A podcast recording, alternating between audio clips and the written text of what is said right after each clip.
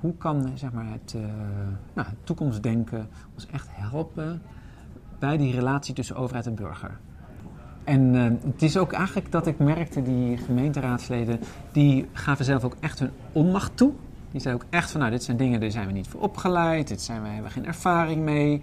Dus zij vroegen uh, impliciet ook wel aan mij en andere echte kunstenaars die bij het project eerder betrokken waren, zo van, nou maar help ons dan, want dit kunnen wij niet zelf. En daar is ook gewoon het, mijn zoektocht nu uit voortgekomen van, wow, waar, waar kan ik hier uh, uh, ja, mee uh, aan de slag?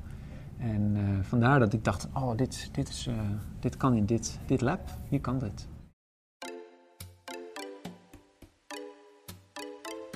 Kunstenaars die je begeleiden in toekomstdenken. Welkom bij de vierde aflevering van de levende notulen van de Mondriaan Turnlabs. We zijn al een tijdje onderweg. In deze aflevering hoor je meer over Merlijn Twaalfhoven en nemen we een kijkje in zijn turnlab over de waarde nabijheid. Merlijn onderzoekt als kunstenaar deze waarde in zijn lab. Hij houdt zich bezig met de vraag: hoe verhouden we ons tot de overheid? We spreken elkaar in het stadskantoor in Utrecht. Nou, ik vind het sowieso fascinerend waar openbare ruimte is. Omdat je elkaar, ja, als je elkaar afspreekt, dan heb je snel dat je naar een café moet of iets. En uh, dat is natuurlijk ook best oké.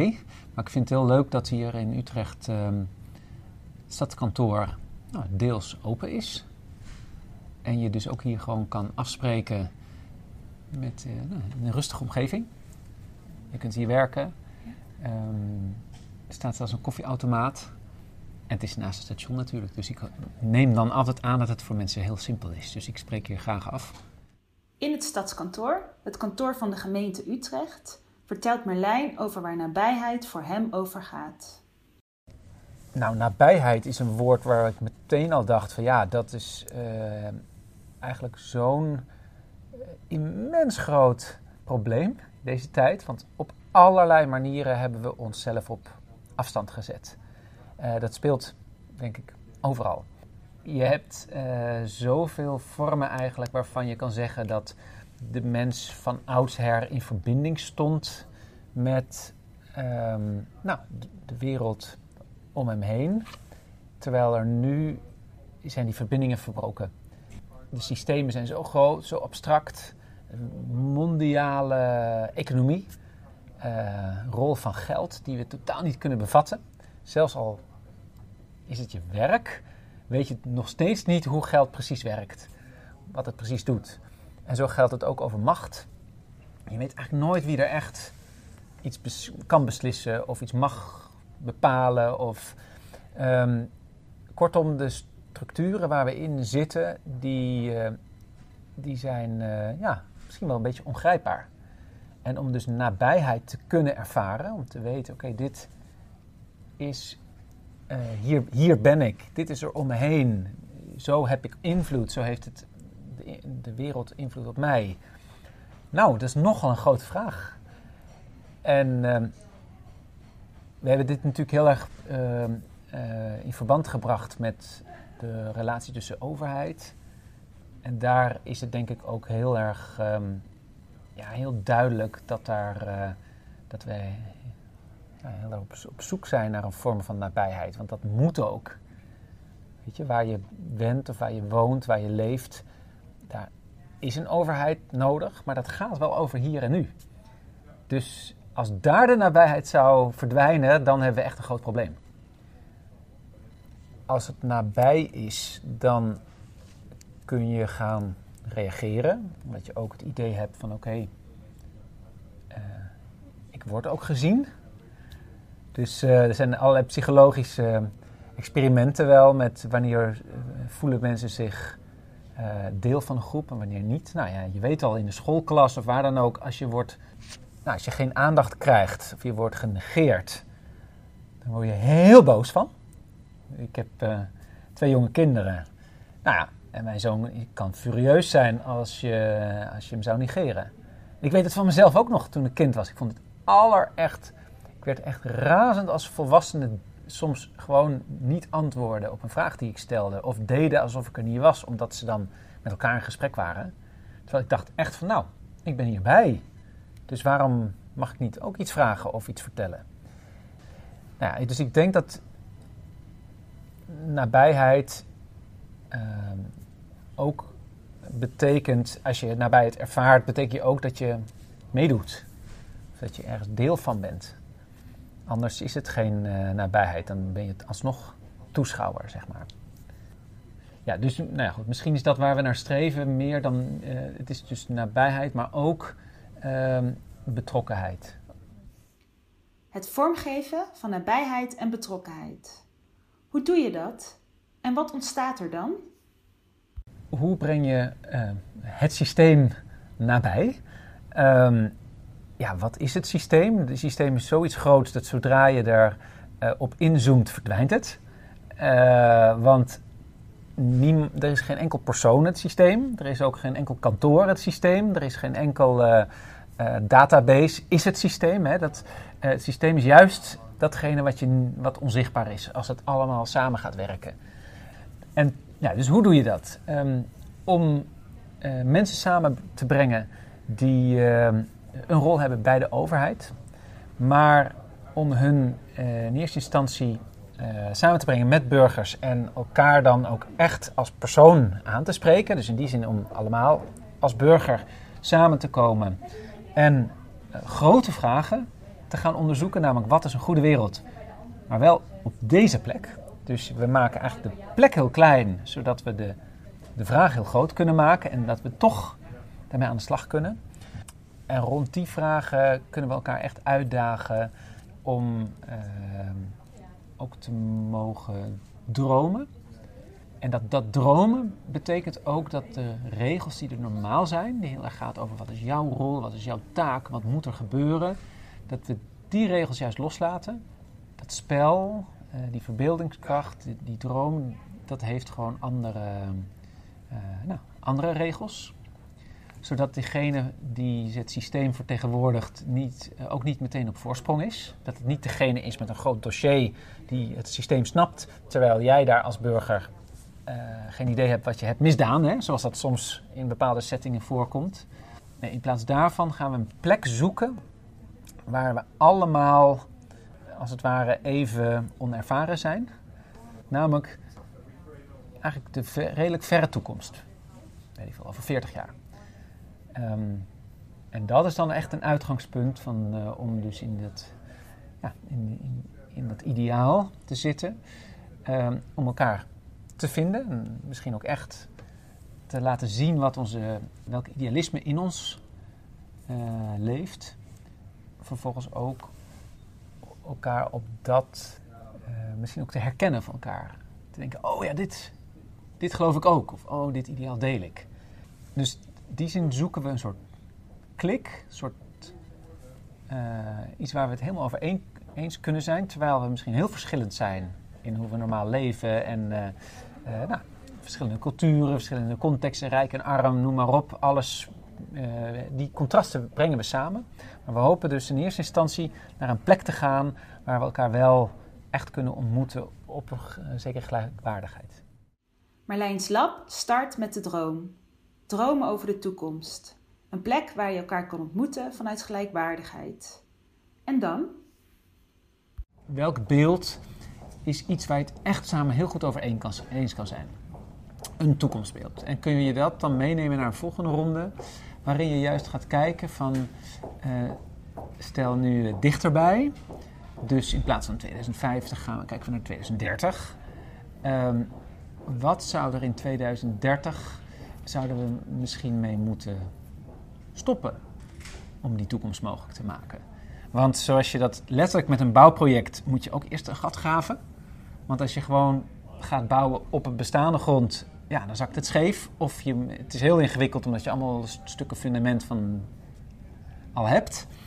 Dus eh, welk graafwerk moet er gebeuren eigenlijk?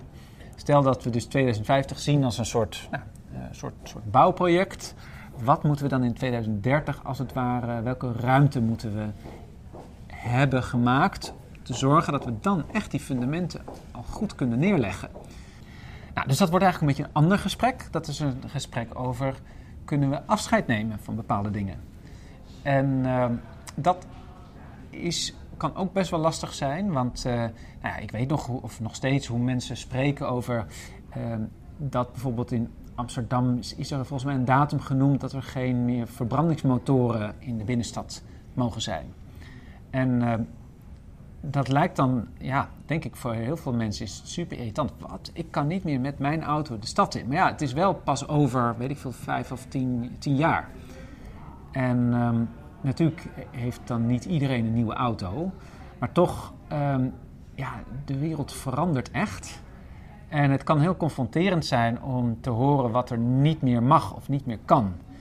En wij hopen dus om het om te draaien. Dus niet vanuit het nu te zeggen over vijf jaar mag iets niet meer. Maar te zeggen als we in 2050 nou, dit een hele mooie plek willen laten zijn. Wat zouden we dan 20 jaar eerder eigenlijk al moeten loslaten? Of, uh, of wat is er minder belangrijk? Nou, dit vind ik zelf heel spannend. Maar uh, ik vind het, want ik denk van, oh jee, ik wil liever geen uh, ja, conflicten en pijnlijke dingen. En heel vaak is iets wat niet meer doorgaat, wat losgelaten moet worden, is heel oneerlijk. Want voor de ene is het een groot ding, voor de andere niet. Dus ik zou, we willen heel graag in het proces dus gaan kijken van waar moeten we afscheid van nemen. En, en hoe kunnen we dat op een hele, hoe zouden we dat op een hele mooie manier kunnen doen? Um, en ook kunnen we ook nadenken over uh, ritueel. En de volgende stap is eigenlijk om nog veel dichter te kijken. Van stel je voor dat, dat aan dat ritueel dat iedereen daaraan meedoet. Wie moeten we dan eigenlijk nu, of de komende twee jaar, uh, helpen of beschermen? Omdat zij bijvoorbeeld heel erg, bijvoorbeeld nu, uh, heel veel uh, houvast hebben aan iets wat we los moeten gaan laten. Dus bijvoorbeeld weer over, over dit, uh, die auto met die goedkope nou, verbrandingsmotor als we nu al weten in welke beroepen dat geldt, uh, voor welke, ja, wie gewoon dat voor zijn werk nodig heeft, zouden we nu al heel goed kunnen nadenken van hoe kunnen we die mensen in ieder geval zorgen dat zij goed hun beroep kunnen uitoefenen, zodat als wij ze bijvoorbeeld over in 2030 vragen om hun auto in te leveren, dat dat dan helemaal geen probleem is.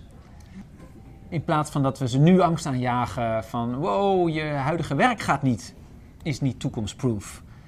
Um, want dat is best wel een heftige vraag. En dan is logisch dat mensen ook enorm op de rem gaan staan. Terwijl wij zoeken eigenlijk naar een manier hoe we die toekomst, nou, hoe we ook gewoon de, de moed vergaren om ja, echt aan die goede wereld te gaan bouwen. En ons ook zien als deel daarvan.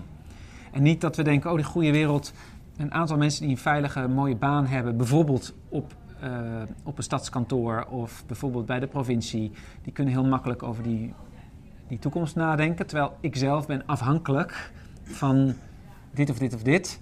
Dus mooi dat ik daar niet aan mee ga doen. Nou, dus dit is eigenlijk een beetje de achterliggende uh, zoektocht van ja, dat terugredeneren vanuit de toekomst. moet uiteindelijk dus leiden tot een aantal hele concrete dingen die we al binnen een paar jaar kunnen doen. En dat is waar we ook echt dan uh, naar de gemeenteraad stappen en zeggen van kijk, dit toekomstbeeld uh, nou, voor deze wijk. We willen ten eerste vragen of jullie dat willen adopteren, willen overnemen, want hier nou, hebben we aan gewerkt. Wat uh, nou, zou die gemeenteraad, is er een reden om dat nog niet te willen? Namelijk misschien zeggen ze, oh jullie hebben nog niet genoeg mensen betrokken. Nou, dan doen we het gewoon groter. Uh, in ieder geval net zo lang totdat dat toekomstbeeld ook echt deel kan worden van de plannen. En dan betekent dat die plannen hebben consequenties betekent dat, oh, als dat echt de toekomstbeeld is, dan moeten we ook nu aan de slag. Oké, dus in Marlijns Lab gaan mensen die werken bij de overheid en inwoners gezamenlijk dromen over de verre toekomst. Ze gaan kijken naar wat we dan nu moeten gaan loslaten en ontwikkelen daarvoor een ritueel. Dit alles gebeurt onder begeleiding van kunstenaars. Het verre toekomstbeeld wordt vertaald naar concrete eerste stappen. Om met die plannen naar de gemeenteraad te gaan. Maar dat denken over de toekomst, is dat niet ook een rol voor de gemeenteraad zelf? ze geven zelf ook aan. Dat heb ik eerder in een ander project in, in Leeuwarden heel erg meegemaakt. Dat de raadsleden zelf aangeven: oké, wij zijn niet voor de lange termijn. We hebben daar misschien wel een mening over. Want, nou ja, ieder mens, als je vraagt, kan een antwoord geven. Maar ons hele systeem is ingericht om eigenlijk vraagstukken te beantwoorden die, ja, waar we de komende vier jaar op kunnen worden afgerekend. Altijd minder dan vier jaar, hè, want nou ja, je bent natuurlijk al even bezig. Maar in ieder geval binnen vier jaar moet het tot iets leiden. Moet je daar ook je beloning voor krijgen, of je erkenning, of je, ja, je rol in spelen, zodat je eventueel weer wordt herkozen. En het was wel heel interessant in wat we deden bij in de gemeenteraad in Leeuwarden. was ook al echt even de discussie van luister, wij, worden, uh, wij vertegenwoordigen uh, nou, de kiezer. Die heeft ons ook het mandaat gegeven. En dat betekent dat wij dus overal over mogen beslissen. Ook over de lange termijn. En daar kwam heel erg discussie over. Want eh, de raadsleden zagen eigenlijk ook wel van ja, maar dat zit niet in ons systeem. Ons systeem vraagt altijd, sowieso de stukken zijn altijd concreet. Zijn concrete plannen die we wel of niet kunnen ondersteunen. Maar de raadsleden gaven zelf echt aan dat ze daar niet goed in zijn. En dat het eigenlijk niet past in hoe zij lekker werken of hoe zij überhaupt uh, kunnen werken. Dus we hebben toen, en dat was ook de reden dat ik heel graag in dit lab dit verder wil onderzoeken, heel erg beeld gekregen van, oh, er is dus nog iets nodig. We moeten ook een vorm hebben waarin we ook daaraan kunnen gaan werken. Dus er moet een soort ja, werkplaats ontstaan. Nou, een lab. er is nog iets nodig. Wat brengt werken vanuit de kunsten, het maatschappelijk vraagstuk waar Merlijns Lab mee bezig is? Ja, en dan eh, voelt het meteen heel. Uh, um, ja, het kan een beetje verwarrend voelen als je denkt: oeh, maar kunnen we daar dan wat mee? Het is eigenlijk zo'n groot vraagstuk. Wie zijn wij om te denken dat we daar iets mee kunnen uh, doen? Maar ja, dat is ook wel leuk aan uh, beetje de aanpak van kunstenaars je kunt altijd iets, je kunt gewoon beginnen. Je kunt gewoon gaan spelen. Je kunt gewoon een schets gaan maken. En weet je, een kunstenaar hoeft niet een wereldprobleem op te lossen, maar kan er wel ja, altijd iets mee doen. Je kunt altijd gewoon, wat, wat zie je, wat voel je, wat kun je je voorstellen, dat soort vragen kun je gaan beantwoorden door nou, te gaan creëren, iets te gaan doen kunstenaars kunnen een soort gids zijn, maar uiteindelijk moeten mensen zelf die beweging maken. Dus uh, verschil tussen knowing the path of walking the path. En ik geloof heel erg dat wij als mens ehm, steeds meer gewend raken dat specialisten het lopen doen. En dat wij misschien wel iets erover mogen lezen of mogen snappen. Maar dat die professionals, die doen het werk. En dat geldt dus ook voor de kunsten. Die professionals staan op het podium, die vertellen verhalen, noem maar op. Of die maken een film. Ik geloof dat we daarmee heel veel van uh, wat we kunnen uh, een beetje links laten liggen. Dat we laten sluimeren, dat we de kunstenaar in onszelf als het ware laten sluimeren. Um, en dat die kunstenaars in plaats van zelf het verhaal doen, uh, een hele grote rol kunnen spelen om wel ja, de contexten te scheppen, zodat mensen hun eigen verhaal beter kunnen gaan doen. Dat zie ik ook als mijn rol. Van kan ik situaties scheppen waarin niet ik dat toekomstperspectief schets, misschien als specialist of omdat ik de tijd heb om daar boeken over te lezen of wat. Nee, ik maak een soort, ik richt een soort laboratorium in waarin de deelnemers merken dat zij ook daartoe in staat zijn. Een plekberaad, zo noemt Merlijn het idee van zijn lab. Want het beeld van een plekberaad is natuurlijk zo oud als de mensheid. Nou, kom samen voor een goed gesprek. En ik ben ook in die zin heel geïnspireerd als ik lees over in, hoe inheemse culturen uh, beslissingen maken over generaties heen. Um, hoe hun voorouders, maar ook hun uh, uh, achterkleinkinderen als het ware deel kunnen zijn van het beslisproces, terwijl ze er niet fysiek bij zijn. Dat is echt ook de inspiratiebron. En dat betekent dat het ook echt niet, het is niet het wiel wat we hier uitvinden. Het is veel meer iets waar we als mensheid natuurlijk gewoon uh, altijd al mee bezig zijn. Wat we nu op deze manier ja, weer levend maken of levend willen voortzetten, zeg maar. Waar hoopt Merlijn op? Nou, ik hoop vooral dat we iets gaan vinden wat we op veel meer plekken kunnen gaan doen. Want dat voel, daarom wil ik ook zoveel mogelijk op meenemen van ervaring. Het is namelijk zo'n groot vraagstuk dat je. Het is niet van, oh, dit is een leuk idee. En weet je, zoals ik vroeger leuke compositieopdrachten kreeg, dan kreeg je gewoon de opdracht van: oké, we hebben een strijkkwartet en een mannenkoor. En dan hebben we een, een 100-jarig jubileum. Uh, van het mannenkoor. En samen met het strijkkwartet uh, willen ze heel graag een mooi concert houden. En een stuk van jou mag 10 minuten duren. Uh, en dan vraag ik van, oh, mag het publiek ook meedoen? Ja, dat mag. Oké, nou, dan heb ik een hele leuke opdracht. Dan kan ik aan de slag. En, maar dan is dat ook, als de opdracht klaar is, nou, dan is het weer klaar. Terwijl nu voelt het echt van, oké, de opdracht is zo, eigenlijk zo groot, namelijk ja, nabijheid. dat is immens groot. Daar kun je je hele leven aan wijden en dan alsnog uh, is het nooit af. Dus maar ik, ik, zou daarom ook heel graag dit onderzoek op zo'n manier willen zien dat, het, dat iedereen die meedoet ook helemaal niet het gevoel heeft dat het af moet zijn. Ik denk als je dit hoort uh, en denkt van, oh wacht even, zoiets dergelijks zou misschien ook hier of hier of hier wel nodig zijn. Kom dan nu aan boord. Want het is bij een lab moet je bij de proefjes zijn. En je niet wachten tot het lab een rapport presenteert. Tot zover Merlijn Twaalfhoven en zijn lab over nabijheid. De plekberaden in dit lab zullen eind januari en in februari plaatsvinden in de wijken Koppel en Kruiswijk in Amersfoort. Wil je graag meedoen als bewoner of als ambtenaar? Geef je dan op. Dat kan door te mailen naar miriam.turnclub.org. Blijf je verder graag op de hoogte van de Mondriaan Turnlabs? Word dan lid van ons WhatsApp-kanaal. Je kan je aanmelden via ons telefoonnummer 06 81 57 69 97. In de volgende en voorlopig laatste aflevering hoor je meer van andere betrokkenen bij het lab, zoals Amersfoort in C en de gemeente Amersfoort. Wat brengt het project van de Mondriaan Turnlabs hen? En wanneer ervaarden zij nieuwsgierigheid, nederigheid en nabijheid? Luister naar hun verhaal in de volgende levende notulen. Tot dan!